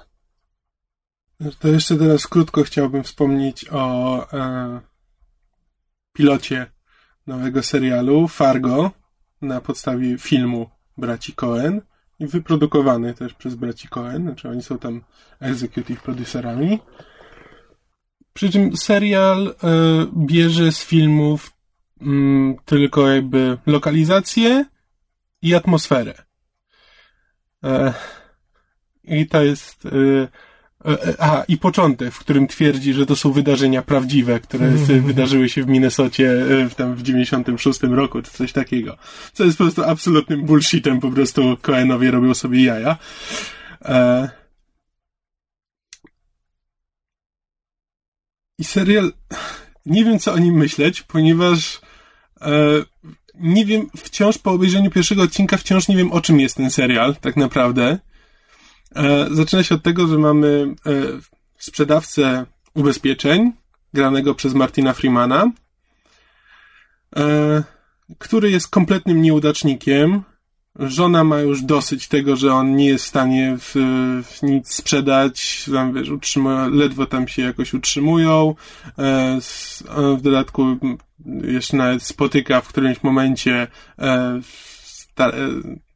starego, że tak powiem, znajomego ze szkoły, który wciąż, e, który wciąż się nad nim znęca i to w dodatku przed dwójką jego synów, znaczy przed dwójką tego, tego łobuza, że tak powiem, szkolnego. E, wciąż się nad nim znęca, on jakby nie potrafi mu się postawić. E, no i właśnie w wyniku tego spotkania e, i tego znęcania postać Martina Freemana ląduje w szpitalu. Znaczy po prostu idzie na, e, na ostry dyżur. E, I w poczekalni spotyka faceta. E, jakiegoś podejrzanego, podejrzanego typa, którego w dodatku w pierwszej scenie serialu widzimy w, w samochodzie, się gdzieś rozbija, a w, w bagażniku miał jakiegoś mężczyznę. I nie wiadomo, co się z tym wątkiem dzieje. Nie wiadomo, co on tam robił, czego, czego szuka w tym mieście, skąd przybył i tak dalej. No i spotyka tego szemranego typka, którego właśnie wypytuje, co tam, co mu się stało, no i jak tam mówi, tak dochodzą do tego, że no właśnie, że znęca się na nim jakiś facet, no i że, że jak to, że tak po prostu pozwalasz się, e, pozwalasz się komuś e, tak traktować. No i że jeśli ten, że wystarczy, że powiesz jedno słowo i mogę go dla ciebie zabić. I jakby od tego momentu zaczynają się dziać różne dziwne rzeczy z tym facetem, z miejscową policją, z samym Freemanem, który też powoli zaczyna być coraz bardziej sfrustrowany swoim życiem i, e, e, i trochę go to zaczyna sprowadzać na, na mroczną drogę. Jakby niewiele więcej nie powiem, bo, bo to już, to już by było za daleko idące spoilery. Jakby to, co, to, co teraz powiedziałem, no to jest pierwsze 10 minut, to jest tylko setup do reszty odcinka więc zakładam, że to nie jest wielki spoiler, więcej, więcej nie powiem.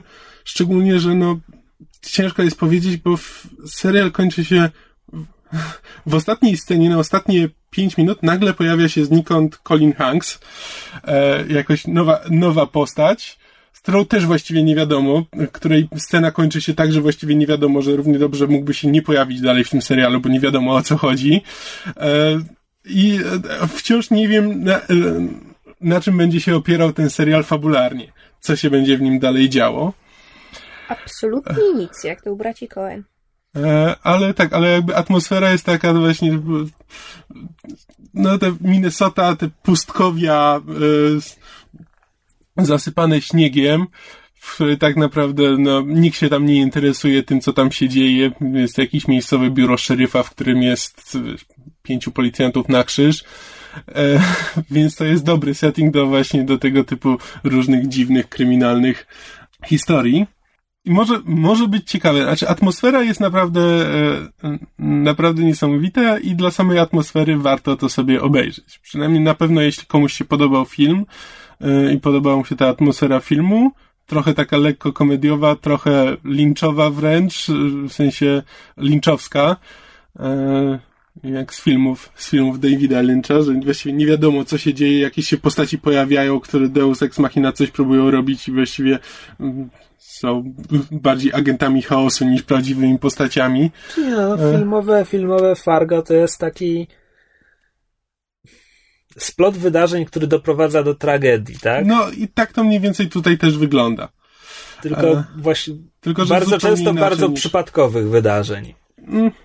I znaczy ja Fargo uwielbiam. Nie na zasadzie, że oglądam w każde święta jak Kevina, ale Kevina też nie oglądam w każde święta. Czyli dokładnie jak Kevina, nieważne. E, Natomiast. E... Ale tak, jakby konstrukcja właśnie fabularna, jakby fabuła jest zupełnie inna, ale jej konstrukcja jest bardzo podobna do tego. Przy czym jakby też e, te wydarzenia nie są aż tak przypadkowe jak Fargo. Tam jest jakby sugestia tego, że tam działa, działają jakieś postaci w ja tyle. Na pewno, na pewno obejrzę przynajmniej pilota. Nie wiem, nie wiem, czy zostanę przy serialu, bo ja nigdy nie wiem, czy zostanę przy serialu. E, natomiast no Fargo poza atmosferą, klimatem, tak dalej, ma jeszcze filmowe. Mhm. E, ma rewelacyjną obsadę. Ma Francis McDormand, ma Petera Stormara i w serialu kto jest w serialu? Jest Martin Freeman, Billy Bob Thornton. Mhm. Który jest fantastyczny, naprawdę. W tej, w tej roli, w jaką, jaką mu dali, jest naprawdę się sprawdza. E, Martin on, Freeman. On jest tym tajemniczym mężczyzną, tak? tak? Martin Freeman, e, Martin Freeman to Martin Freeman i bardzo dziwnie jest go oglądać z tym minnesotańskim akcentem, e, takim bardzo miękkim. E, e, e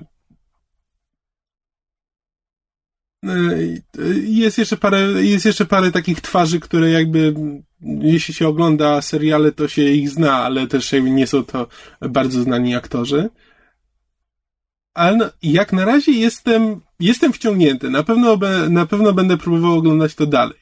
Znaczy, jeśli będą próbowali przez cały sezon jechać na tym, że jest dziwnie i nic się nie dzieje i po prostu atmosferą, to prawdopodobnie mi się to znudzi w którymś momencie. Mm, mm, ważna uwaga, ważna uwaga. Jeśli jeszcze nie byłeś, to nie zaglądaj na IMDB, na stronę tego serialu. Okej. Okay. Bo są informacje, w ilu odcinkach pojawia się każdy aktor. Tak, tak. Co jest koszmarnym spoilerem, jak dla mnie. E, właśnie na IMDb mam zawsze ten problem, że boję się tam zaglądać, bo właśnie bo mogę się dowiedzieć, tak, jak długo będzie żył te, będzie żyła ta postać. No więc ja już wiem. A jeszcze nawet pilota nie obejrzałem. No nie, ale warto, warto spróbować. Warto dać mu szansę. Ale nie ręczę za to, że to będzie dobry serial wciąż.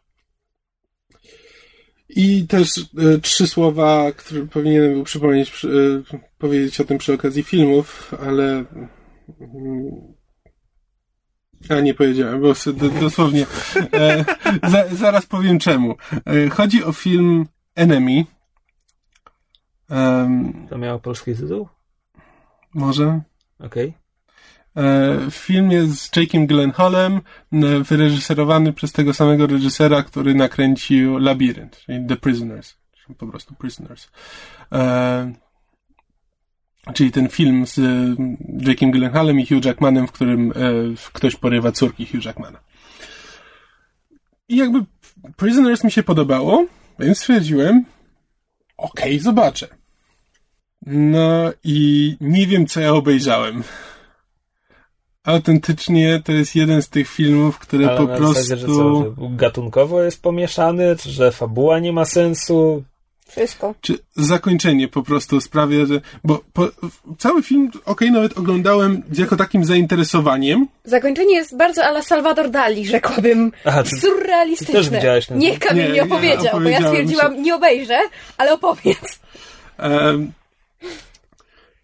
film jakby przez większość czasu jest interesujący, bo, bo jest intryga. Znaczy, A o co tam e, właściwie chodzi? Właśnie tłumaczę. E, Jake Gyllenhaal e, jest nauczycielem, który tam któregoś razu ogląda film i z, nagle do, znajduje w jednej ze scen mężczyznę, który wygląda tak jak on. I sprawdza tam w napisach, kto go tam może grać, wyszukuje go i próbuje się z nim skontaktować. On sam nie wie dlaczego, tak po prostu ma, wiesz, chce, jakoś go to zaintrygowało i trochę zaniepokoiło i chce się z nim spotkać, porozmawiać, e, zobaczyć.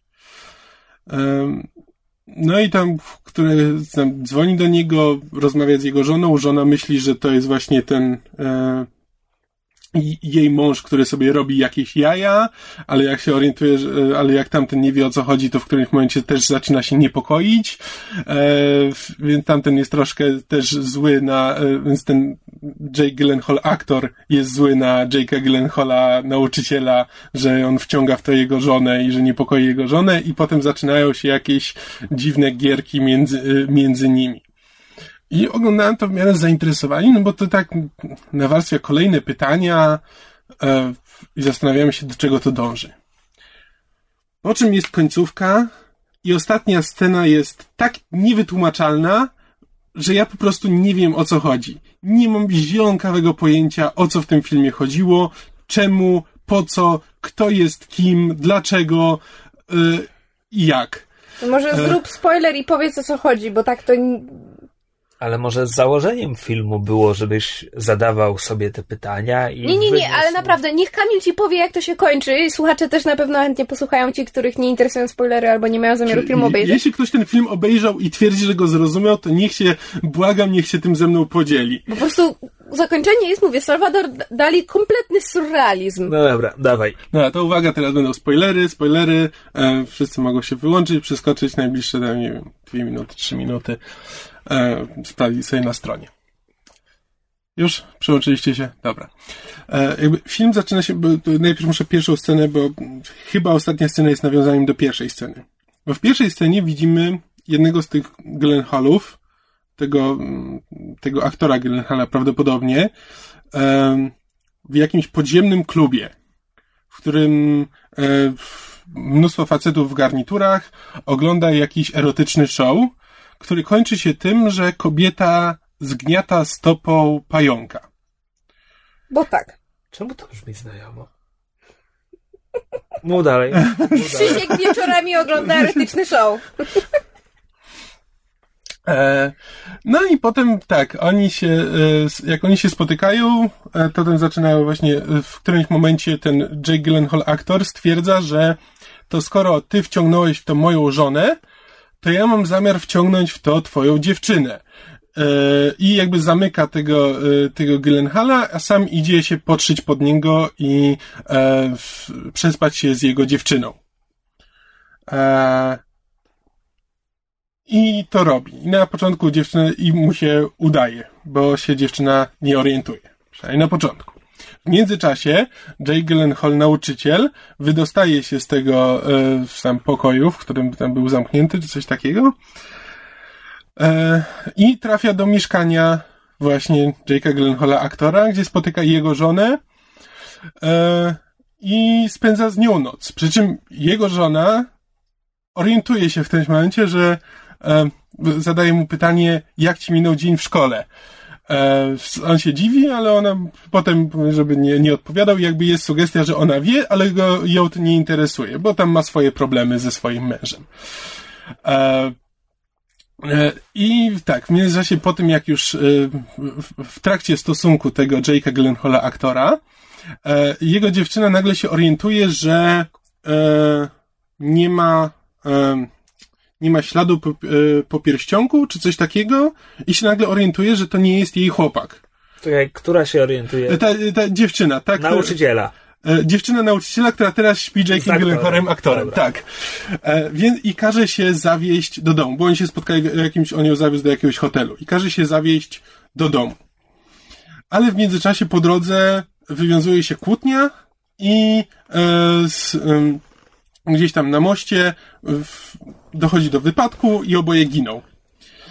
E, więc jak tylko się dowiaduje, jak dowiaduje się następnego ranka o tym Jake Gyllenhaal nauczyciel, to wygląda na to, znaczy nie jest to jakby powiedziane w ale w każdym razie ubiera się w, w ubrania Jake'a Gyllenhaala aktora i jakby przygotowuje się tak jakby do przejęcia jego życia.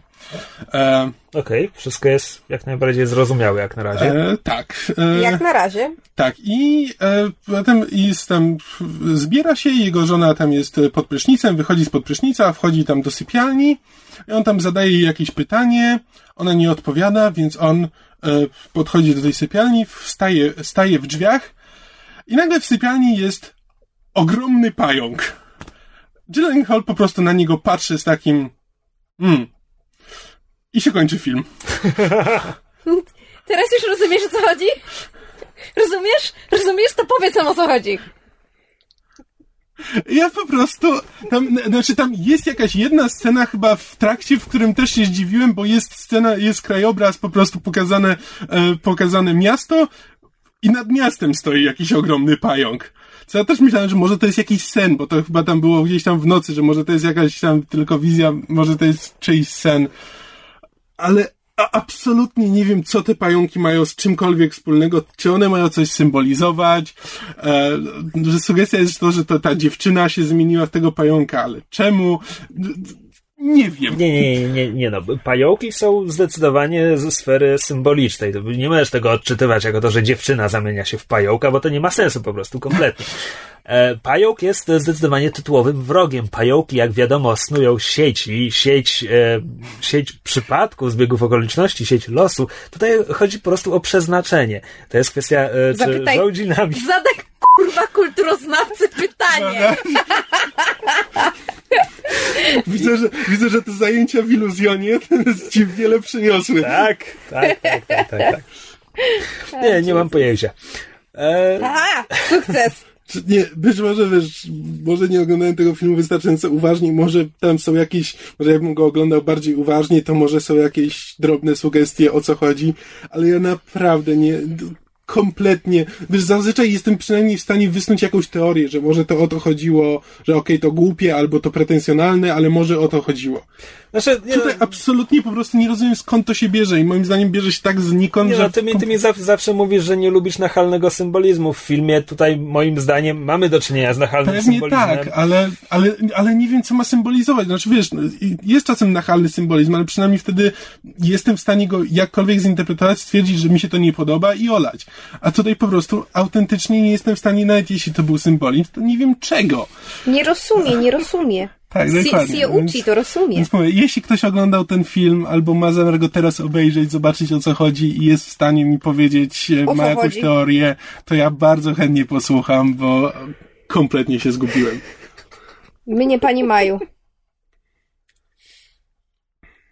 Dobrze, to teraz przejdziemy do komiksów. Teraz przejdziemy do komiksów. Dobrze. Na tapecie mamy. Które komiks... też są dziwne, ale przynajmniej je rozumiem. E, będziemy rozmawiać o komiksie wydawnictwa Image znowu, napisanym przez Briana Kejwona. O Brianie Kejwonie już parę razy było w naszym podcaście, choćby dlatego, że jest showrunnerem serialu Under the Dome, ale nie miejcie mu tego za złe. Komiksy są lepsze. Był scenarzystą Lostów. Też nie miejcie mu tego za złe. E, I pisał, pisał sporo dla Marvela. I tam już wspominałem o tej miniserii o Chamberze na przykład i Pisał wiele. Napisał też serię Runaways, o której kiedyś będziemy mówić. Jak mysz ją przeczyta? Jak mysz ją przeczyta. Dobrze, a dla wydawnictwa Image napisał sagę, którą czytałem ja i Kamil. Tak. E... To o czym jest saga? Saga jest. E... Saga, jak sama nazwa wskazuje, jest historią rodzinną. I mamy głównych bohaterów, e, Alanę i Marco, którzy mają dziecko. Cała historia dzieje się w kosmosie. W kosmosie, w którym dwie rasy, jedna jest skrzydlata, druga jest rogata, toczą ze sobą wojnę od lat, jeśli nie od pokoleń, która już do tego stopnia im spowszedniała, że oni właściwie już jej nie toczą. To znaczy, ich planety są jakby, na ich planetach panuje pokój, natomiast wojnę toczą wszędzie indziej. Mm. I wciągają do niej też jakieś różne inne rasy różne inne rasy. Ten kosmos jest zaludniony przez e, całe mnóstwo antropomorficznych zwierząt. E... A także ras, które nie przypominają nic, albo po prostu są że to nie tylko są antropomorficzne zwierzęta, ale też cała masa różnych dziwnych stworzeń. Tak, to prawda. E, zresztą nie tylko stworzenia są dziwne, bo i statki kosmiczne są dziwne. Nasi bohaterowie poruszają się statkiem kosmicznym, które jest żywym drzewem na przykład. Tak, a ich przeciwnik porusza się statkiem kosmicznym, który jest czaszką smoka. E, a jeszcze inny ich przeciwnik ma statek, który wygląda jak jeden z wynalazków e, papcia chmiela z Tytusa Romka i Atomka. E, do tego co? Do tego jest w tym wszystkim magia. Rogaci potrafią posługiwać się magią. Tak, no więc, więc mamy do czynienia z dziwnym, z dziwnym Znaczy, wszechświatem. No i jakby fabuła polega na tym, że właśnie ta głów, dwójka Ala, głównych Alana jest bohaterów... 3 lata, Marko jest rogaty. Poznali się, kiedy Marko był e, jeńcem e, w, w obozie właśnie dla żołnierzy przeciwnika skrzy- skrzydlatych. I się w sobie zakochali, uciekli i teraz rodzi im się córka, Hazel. Córka Hazel, która jest zresztą narratorką całej historii. Mhm. No i obie strony chcą ich dopaść. Przede wszystkim ze względu na Hazel. E, Żebym teraz nie pomylił, skrzydlaci wysyłają za nimi księcia robota czwartego, Mhm. e, a rogaci nasyłają na nich freelancera łowcę nagród, czy w liczbie mnogiej łowców nagród na nich nasyłają. I tak naprawdę można by mówić coś więcej o fabule, tylko że to jest Ale ona takie... nie ma większego znaczenia, bo to jest no oni- po prostu splot wydarzeń. To Splot wydarzeń. E, I to jest, to jest piękny komiks. To jest wspaniały komiks, Tak. ja go uwielbiam. To jest takie mm, fantasy science fiction, e, które jest absolutnie nie przypomina mi niczego, co do tej pory widziałem, czytałem, oglądałem. I to jest, naj, to jest najfajniejsze, że tutaj po prostu zdarzają się najdziwniejsze rzeczy, ale też nigdy nie mam wrażenia, że to jest takie nachalne na siłę e, próbowanie stworzenia czegoś dziwnego. No to po prostu jakby w logice komiksu te wszystkie wydarzenia mają dla mnie sens, mimo że są absolutnie absurdalne. No, Ach, oczywiście nie wspomniałem, że znajdują opiekunkę dla dziecka. Opiekunką dla dziecka jest e, duch zmarłej nastolatki. Te, te właśnie tego typu rzeczy się, tego typu rzeczy się tam dzieją. E, Tak, jakby technologia jakby nie ma żadnego, to, To wszystko komiks się, działa. tak, komiks się nie skupia na tym, jak to działa, po prostu działa, bo magia, bo, bo działa. Ale tak, ale to, to jak ten komiks jest opowiedziany, jeszcze w dodatku to jest dosyć meta komiks, bo tam wszystko, e, oni, e, główni bohaterowie są oskarżeni o grzechy przeciwko narracji. To jest, e, e, to, to jest ta narracja, w której e, Reef i jak się nazywa ta druga planeta? Wiesz, że nie pamiętam. No w razie, gdzie te dwie planety są zaciekłymi wrogami i nie może dojść do pokoju. Jakby w ogóle po- pojawiały się stwierdzenia takie jak radykalny pacyfizm, co też jest bardzo urocze. E, Gdzie jakby pacyfizm jest, pacyfizm jest postrzegany jako terroryzm. Gdzie po prostu wojna jest stanem naturalnym i e, tak ma być. Dlatego właśnie też... Uwaga, mamy do czynienia z subtelną metaforą. Tak. e, Wpada w takie, ale to też nie jest, to też nie jest nachalne, to też nie jest nachalne, to nie jest główny Nie, bo wątek to e, wszystko, komiksu. to wszystko jest żywe. Ten świat jest Tak. żywy, ci bohaterowie są super. Oni, oni są wielowymiarowi, dialogi tam są fantastyczne, strasznie śmieszne miejscami. Mhm. E, I to jest jeden. To jest jeden z albo bardzo niewielu komiksów, albo wręcz jedyny komiks, który regularnie, niemalże, niemalże z numeru na numer mnie rusza na poziomie emocjonalnym. Mhm. Ja się z zasady jakby. No, komiksy czytam, dla mnie to jest intelektualna rozrywka, nawet jeśli mówimy, wiesz, że przez cały numer ktoś kogoś naparza i wali laserami z tyłka, to ja to na poziomie intelektualnym odbieram Mhm. zazwyczaj, a tutaj po prostu no, łapie mnie za serce. Tak. A, jeśli ktoś ma za złe Jossowi Whedonowi, że zabija jego ulubione postaci, to niech, niech nie sięga po tę serię. Nie, rzeczywiście, jest po prostu, jest jedna scena, która, ten, ten, rozmawialiśmy o tym wcześniej i ja nawet myszy pokazywałem, jedna, jedna, Kotek! jedna strona, która po prostu tak mnie ujęła, tak mnie złapała za serce, po prostu jest, no, dosłownie, no jedna strona, parę zdań, a złapały mnie za serce jak, e, jak nic dotąd. Kotek. no, no, łow, łowca nagród The Wilma kota zwanego Lion Cat, kłamiącym kotem, który nie kłamie, tylko pozwala stwierdzić, kiedy ktoś kłamie. Znaczy... Za każdym razem, kiedy ktoś w jego obecności kłamie, to on skrzeczy lying. I tak to brzmi w mojej głowie. Tak, i jest, jest... Hell, a dead dog could have told me that. To jest pięknie wykorzystywane. E, tam jest mnóstwo fantastycznych postaci. No, ja strasznie uwielbiam kota, uwielbiam właśnie tę zmarłą nastolatkę. Główni bohaterowie też są fajni. E, także strasznie to polecam. Przy tym wszystkim to jest komiks raczej dla dojrzalszych odbiorców. No. Nie tylko dlatego, że jakby traktuje to wszystko na poważnie.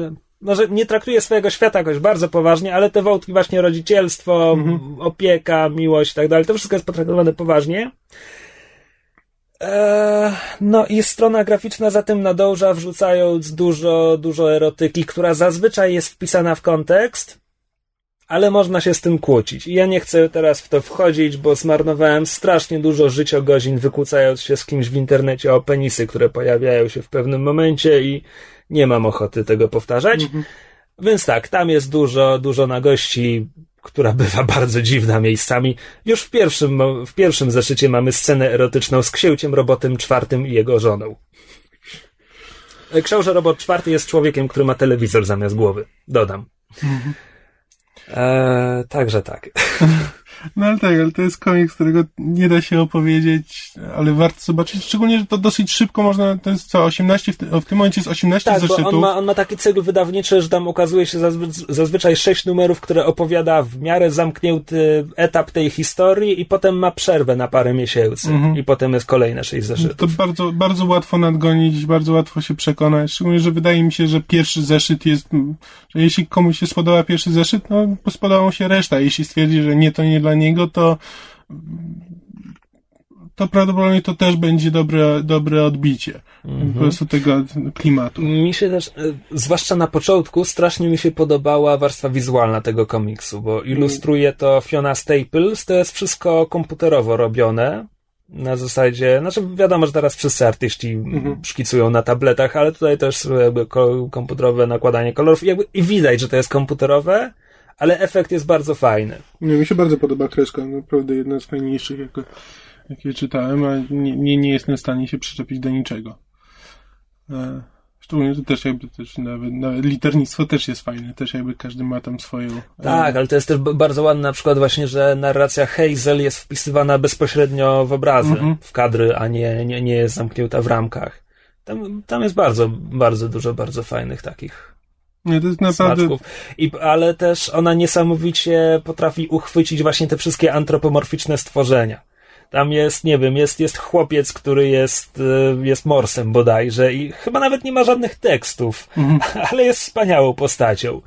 Jest saniut, sanitariuszka, która jest antropomorficznym chyba myszoskoczkiem, dostaje myszą dwie strony. Jest, myszą. I no i no tak, bardzo szybko debiutuje i ja bym przede wszystkim to... E... Does it die? Pokazałeś się tylko jedną stronę? Tak. Bo tak nabrałam ochoty, żeby przeczytać razem z tymi Runaways tego. Ja, ja mu zawsze mówię Kavanaugh. Ja wiem, że to jest Brian K. Vaughan, ale to K mi tak w środku myli. Zawsze mu myślę, że on się nazywa Kavanaugh. E, znaczy, ja bym ten... E, ja bym ten komiks polecił przede wszystkim każdemu, kto próbuje coś pisać samemu, bo to jest e, kopalnia pomysłów i jakby e, pozwala się odbić od tego, od e, takiej tradycyjnej, konwencjonalnej e, narracji i konwencjonalnych pomysłów. Nawet jeśli nie twierdzę, że należy tam, nie wiem, brać te pomysły, ale tak, żeby po prostu zobaczyć, co można napisać, jeśli się oderwie kompletnie od, e, że tak powiem, od rzeczywistości, od tego, co się zazwyczaj pisze.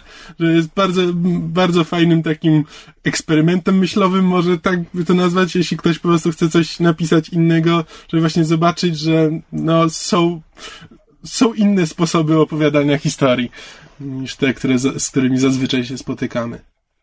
Są dobre sposoby na niedobre osoby. Dziękujemy za ten wkład. E, no co, no to saga dostaje od nas podwójny znaczek jakości Jak i polecamy i, i w ogóle jest Dawno fantastyczna. mnie nic tak nie wciągnęło. To ja przeczytam w tym tygodniu i wypowiem się w przyszłym. Haha. Tak jako Runaways w tym tygodniu? Tak, i o Zombie w zeszłym. Mysz seria komiksowa. This should be interesting. Oj. E, W tym tygodniu mamy wyjątkowo krótki kołcik mailowy, ponieważ chcę przeczytać tylko jeden, nawet nie mail, tylko komentarz, który pojawił się na naszej stronie. E, Słuchacz Paweł przy okazji mojego podsumowania twórczości Grega Raki pisze Warto wspomnieć o jeszcze jednym komiksie Raki pod tytułem Stamptown. W Polsce nie był wydany i ogólnie rzecz biorąc jest to raczej mało popularna seria, ale też trzeba zaznaczyć, że to nieregularny, niereguła, nieregulara, Nieregularne. ale też trzeba zaznaczyć, że to nieregularny ongoing i jak dotąd na amerykański rynek trafiły dwa story arki z tej serii. Jak zwykle u Ruki, bohaterką jest kobieta. Imię ma bardzo oryginalne. Dexedrin z dopiskiem Atticus może się schować, a osobowość jeszcze Nie, bardziej oryginalną. Deksydryna? No, totalnie. Nie brać przed snem. Dex to prywatny detektyw, finansowo wiecznie spłukana, niemal nałogowa hazardzistka, opiekunka swojego chorego na zespół Downa brata. Przy tym to trochę bezczelna, trochę sowizdżalska pań. Lubi ryzyko. Zachowuje się czasem jak wariatka. Lubi zapominać, że są jeszcze ludzie, na który, za których jest odpowiedzialna. Mój błąd? Przepraszam, ale nadal jestem zafascynowana poprawnym użyciem sformułowania sowizdżalski i że są jeszcze ludzie, którzy wiedzą, kto to jest.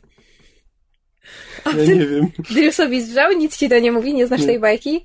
O Chryste, ja się nimi zaczytywałam. To jest em, cała seria historki, hi, hi, historyjek o em, takiej po- postaci takiego wioskowego matołka. Aha.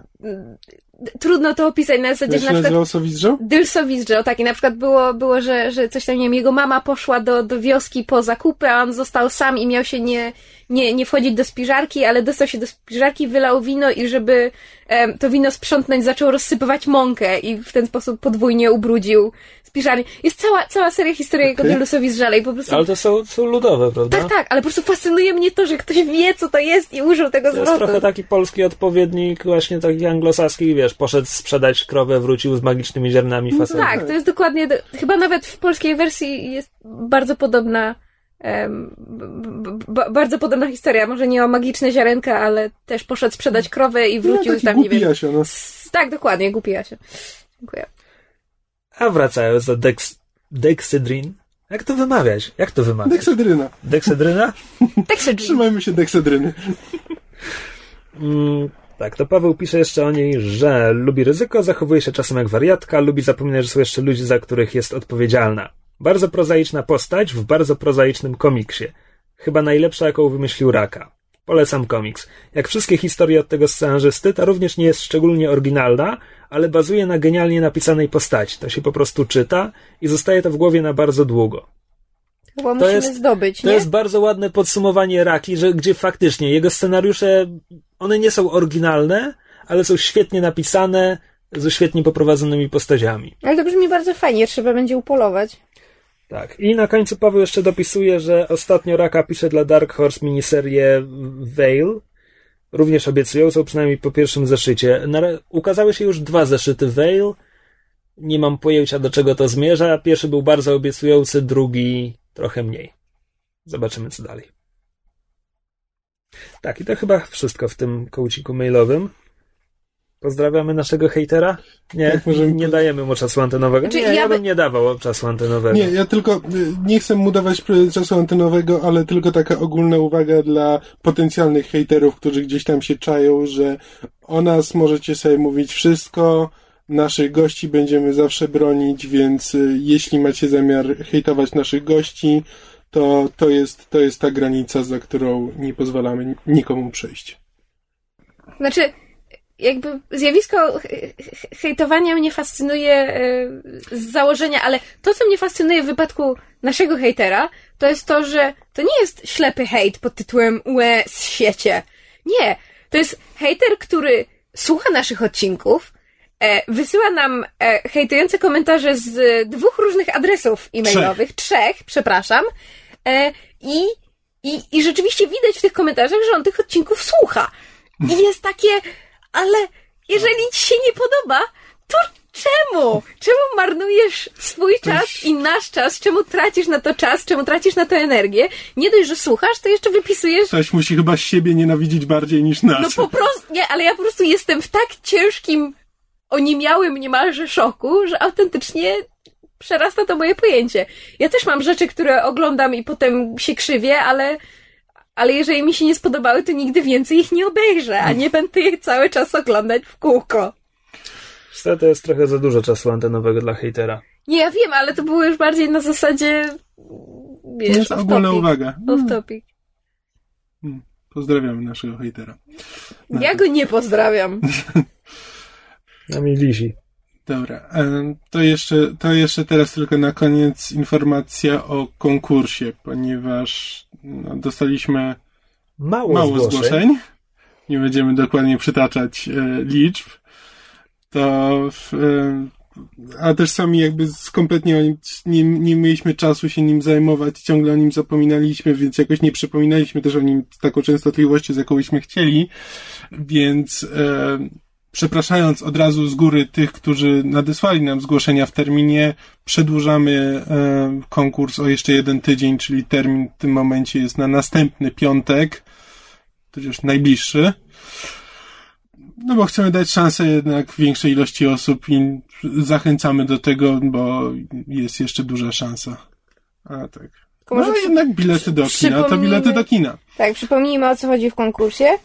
E, prosimy Was, drodzy słuchacze, żebyście przesłali nam swoje propozycje na zwierzątko tygodnia. Stali słuchacze mogą kojarzyć, że na koniec każdego odcinka mysz e, żegna się z Wami e, co tydzień innym zwierzątkiem albo stworzonkiem.